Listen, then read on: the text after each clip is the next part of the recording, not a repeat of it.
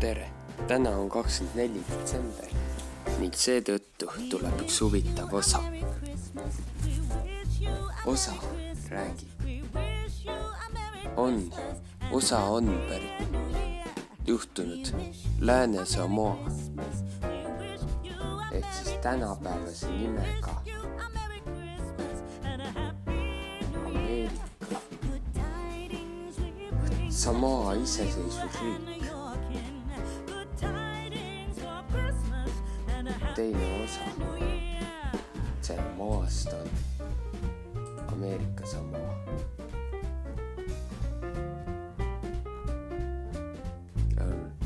jõululugu. jõulud, kirik, kummitus on loo pealkirjaks. ma mängisin peitust koos teiste väikeste lastega ja oma emaga Satua külast Lääne-Samoast. ma olin Samoas, ta külas Lääne-Samoas. ma olin siis üsna noor, nii et ma järgisin alati oma vanemale. no see oli keset ööd ja enamus lapsi olid harjunud, et kuskil pimedas peitma. ma ei olnud sellega harjunud, sest ma olin seal ainult jõulupühadel. ma elan tegelikult Austraalias kuna kõik olime peidus surnuaias, suutsime leida oma tee, leida tee ümber Auguste kirikuni. me peitsime end varjudesse ja ootasime poissi, kes seeks pidi meid otsima. me kuulsime teda tulemas, nii me vaikisime. poiss tuli päris valjult. ma mõtlesin, miks ta teeb kära nii et me läksime teda vaatama. hiljem ütles ta meile, et ta oli kõndinud kirik, kirikusse, kus ta arv-, sest ta arvas, et tema vend peidab end seal. ta nägi poissi altari ees seismas. ta ei teadnud, kas see oli tema vend, sest poisi selg, poisi poole oli keeratud selg. ta jooksis üles ja kuulas, koputas seda poissi õlale nii peale, kui ta seda tegi, kadus imelik poiss ja meie sõber minestas. me läksime koju, et loost vanematele rääkida, vanematele rääkida. ja tulime tagasi, et leida ta ikka veel lamamas. ikka veel surnuna. tema vanemad viisid ta koju ja enam ei mänginud öösiti surnuaias hiljem saime teada, et poisi vend oli kogu aeg kodus olnud. ta polnud üldse kirikus käinud. meid hirmutas see, poiss, kes minestas, on sellest õhtust saati haige olnud ja pole ikka veel taastunud. kes iganes kirikus oli, pidi olema päris vihane, et meie lapsed teda häirisime oi, oi, oi, oi, viis lugu tuleb veel. väikest. teine lugu jõuludest, jõulukülaline mul oli eba, jõulupüha, kahe tuhande kaheksanda aasta jõulupühal ebatavaline külastaja, ütleb autor. autor kirjutab ja ma loen tema sõnadega. ja ma olen päris kindel, et see ei olnud jõuluvana, kes tuli minu maja juurde Indianasse, Indiana osariiki Bloomingtoni. päev algas nagu iga tüüpiline päev. kingituste ümber puu pandud kingituste avamisega. mina tegin varajast jõuluõhtusööki perele ja sõpradele ning kõik külalised lahkusid kell viis õhtul, seitseteist, välja arvatud mu õde ja õemees, kes elavad koos minuga. Nad magasid koridori lõpus magamistoas, aga nende uks oli lahti. ma läksin koeraga oma magamistuppa, oma koeraga Tobiga ja sulgesin ukse kindlalt. Tobi käperdas moodi jamal, jalamil, et magada nii, nagu ta seda alati teeb. see oli nii jahe, et ma tõmb-, seal oli nii jahe, et ma tõmbasin tekid ja üles ümber mu pea. ja jäin, ja jäin lõpuks magama. ma lihtsalt tukastasin kui kuulsin, kuidas Riim magamistoa uksel lahti tuli. Ma ootasin paar sekundit, kuni mu õde või õemees ütleks, mida iganes öelda tahavad. aga teist heli ei olnud. kell oli peaaegu seitse, nii et mu magamistuba oli must. ma jätsin valgustuse kööki ja vannituppa ja elutoas oli palju jõulutulesid, nii et koridor oleks hästi valgustatud. saaksin näha, kes oli ukse taga, lihtsalt tõstes oma pead. ma lükkasin tekid alla ja tõstsin oma pea padjalt. aga kui ma oleks näinud nagu, kes oli ukse haaval, siis valgustas väga ere valgus mulle otse näkku. kaitsin oma silmi ja karjusin, lülita see valgus välja, see pimestab mind valgus kadus kohe ja ma kuulsin, kuidas maksa, magamistoa uks sulgus. minu öölamp on puutelamp, nii et ma puutasin seda ja vaatasin ümber magamistoa. seal polnud kedagi peale minu ja Tobi.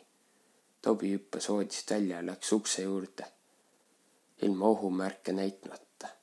alguses ma ei kartnud, sest Tobi on Hollandi lambakoer ja oli koolitatud olema suurepärane valvekoer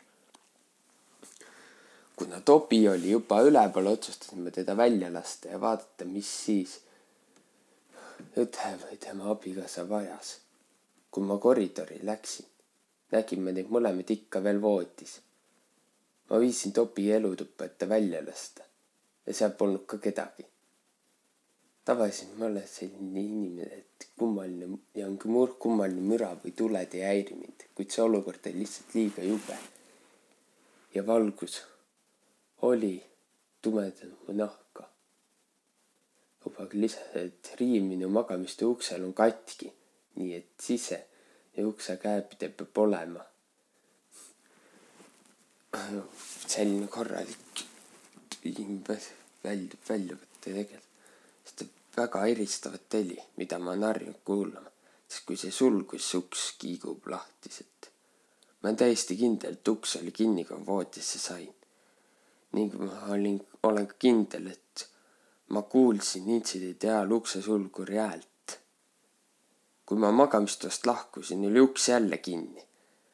Ma ei saanud aru, kuidas mu õde või õemees võis tulla minu tuppa ja siis naasis oma voodisse ja roomas mõne sekundi jooksul teki alla, et jõuda koridori. kuid ma arvasin, et see pidi olema üks neist, sest Tobi haugub ja uriseb alati kõigile ja kõik, mida ta kohe ära ei tunne. kui mu õemees tõusis tööle valmistumiseks, siis ma küsisin temalt, mida ta tahtis varem õhtul, kui ta mu ukse avas. ta paistis hämmingus ja ütles, ma ei saanudki püsti ja kindlasti ei avanud ma kunagi su ust. Magasin kogu aeg voodis rahulikult. ma küsisin õelt, kas sa tahtsid midagi täna õhtul, kui sa mu ukse eile õhtul, kui sa mu ukse avasid. ta vaatas hämmingus ja ütles mulle. ma tukastasin edasi, kui ma ei saa, edasi, kui ma ei saanud kunagi voodist välja ja ma ei ole kunagi näinud või kuulnud midagi koridoris. siin on sulgudes, ta jätab alati oma magamistoa ukse, kogu aeg oma magamistoa ukse lahti. ja nägu, nägu on selline, ta nagu saaks näha, kui, kui ke-, nagu näeb, kui keegi tuleb koridori või läheb majja. kes oli mu eriline jõulukülaline ja kuidas nad nii kiiresti sisse ja välja said nagu enamik inimesi mõtlevad alati lähedastele. kui ma esimeste korda läksin pihva ja mõtlesin, kui õnnelik ma olin, et mu väike pere oli nautinud meeldivat jõulu. Ja see oleks nii palju parem, kui mu ema ja vend oleks veel elus, et jagada seda koos meiega. tahaksin mõelda, et mu venna vaim astus läbi, et öelda häid jõule. ütlen ikka veel sinust ka. ma ei suutnud paljastada seda kummalist sündmustegelast või leida mingit ratsionaalset seletust. ma pooleldi kardan seda peatuse une ajal. valgust nägin, oli ere valgus, mida inimesed pärast näevad surmalähedaste kogemusi raporteerides. minu oleks näha treppida võimalust igast parasjagu öeldes, pööra see välja, et see valgus ei maini see värk, kunagi näen veel ühte eredat valgust, et oma keelt puhastada. et ennast puhastada igaks juhuks. nii. Arlet Dragan oli autor.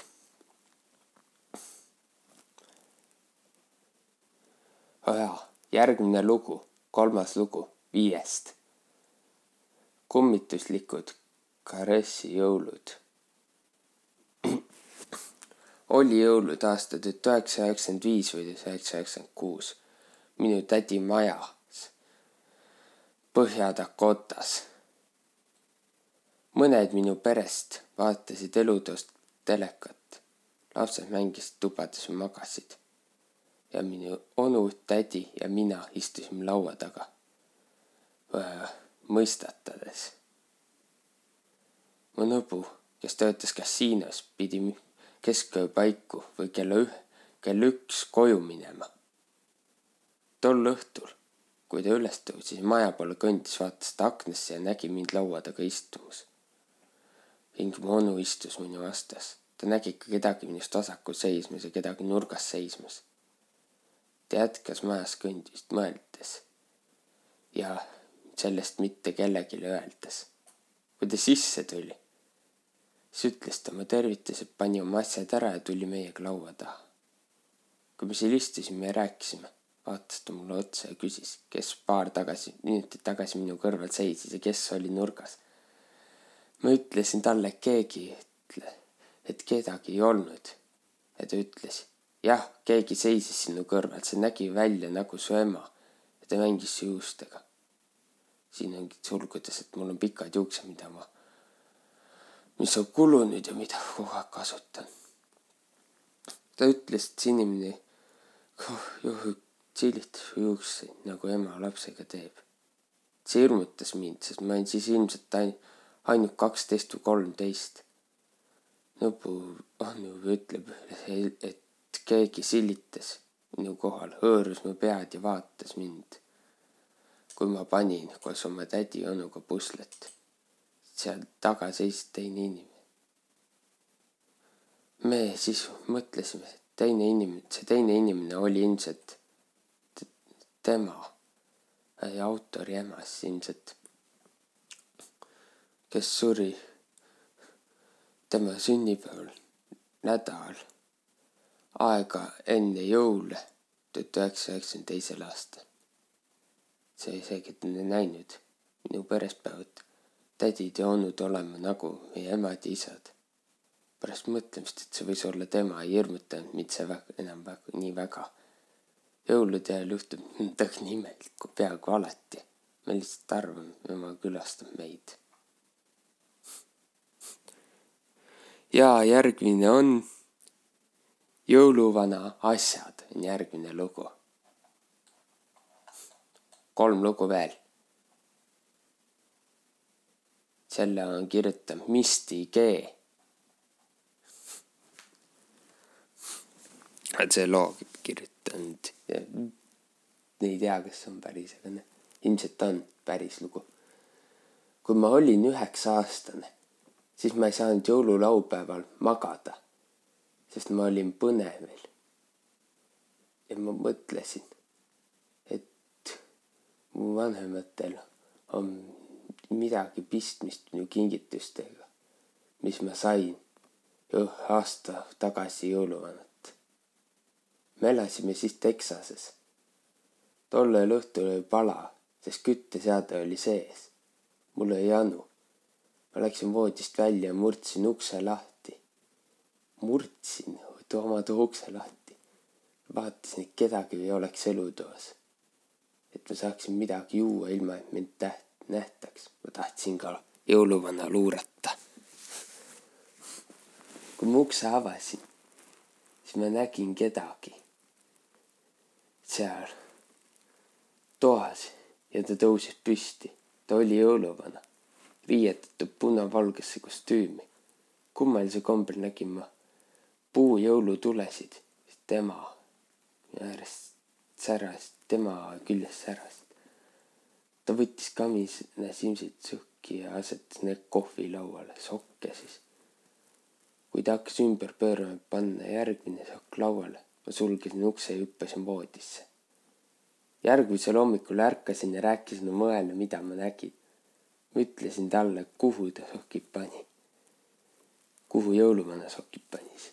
Kui me elutuppa läksime, olid sokid seal, kus ma ütlesin. ta pani need, mõlema pöörasime, vaatasime üksteist ja külm. jaa, olime hetkeks. arusaamatu. sellest ajast peale on mu kõigile öelnud, et ma usun jõuluvanasse. Misti G. nägi jõuluvana. see väga keeruline asi. järgmine lugu. Eelviimane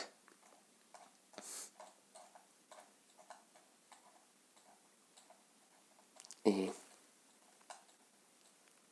viies lugu siis kuuest. jõuluvana jaldas. see juhtus Seattle'i lähedal Washingtonis tuhat üheksasaja viiekümne seitsmendal viiekümne kaheksandal aastal. Mu ema oli köögiakna peal, kui ta karjus mu õe ja minu peale, kes olid siis umbes vanuses umbes vanus viie ja seitsme aasta vanused. et nad tuleksid vaatama seda asja. seal olid jõuluvana ja päkapikk, kes kandis suurt pruuni kotti, ega nad kõndis mööda tänavat. Mitsa jooksis uksest välja, et näha, jõuluvana tuleb siia ja ütleb meie lastele häid jõule. aga jõuluvana päkapikk ja suur pruun kott olid kadunud ei tea, kus need läksid. ja viimane lugu. jõuluvana magamistoa ukse juures.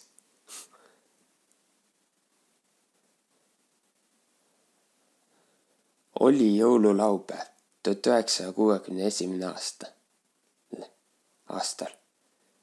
me elasime Ohjos Barmanis ohjas.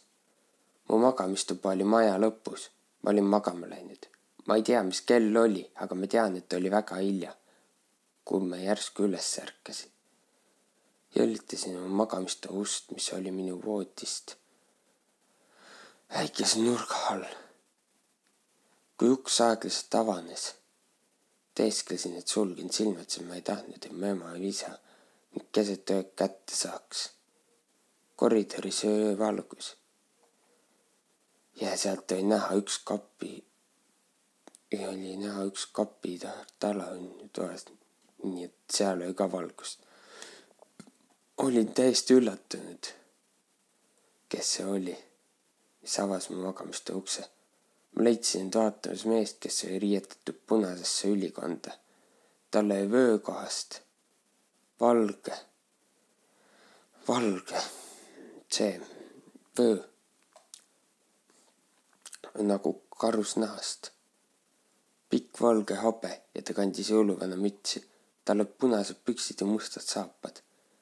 kui me silmad sulen, näeme ikka veel jõuluvana ukse taga seismas. see jättis mulle sellise mulje, et silmad suleks. ta seisis seal ja vaatas mind paar sekundit, siis sulges ukse ma tõmbasin tekid üle pea. ma kartsin nii väga. lõpuks vaatasin välja, kedagi polnud seal.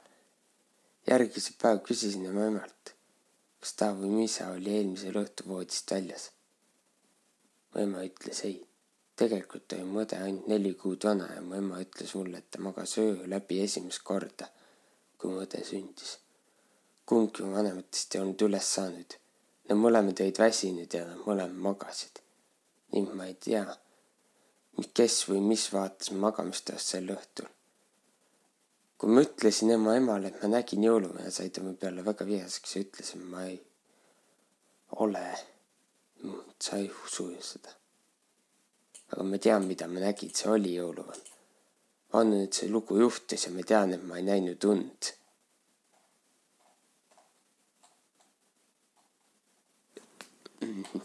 ja see oli nüüd viimane jõulukummituse lugu.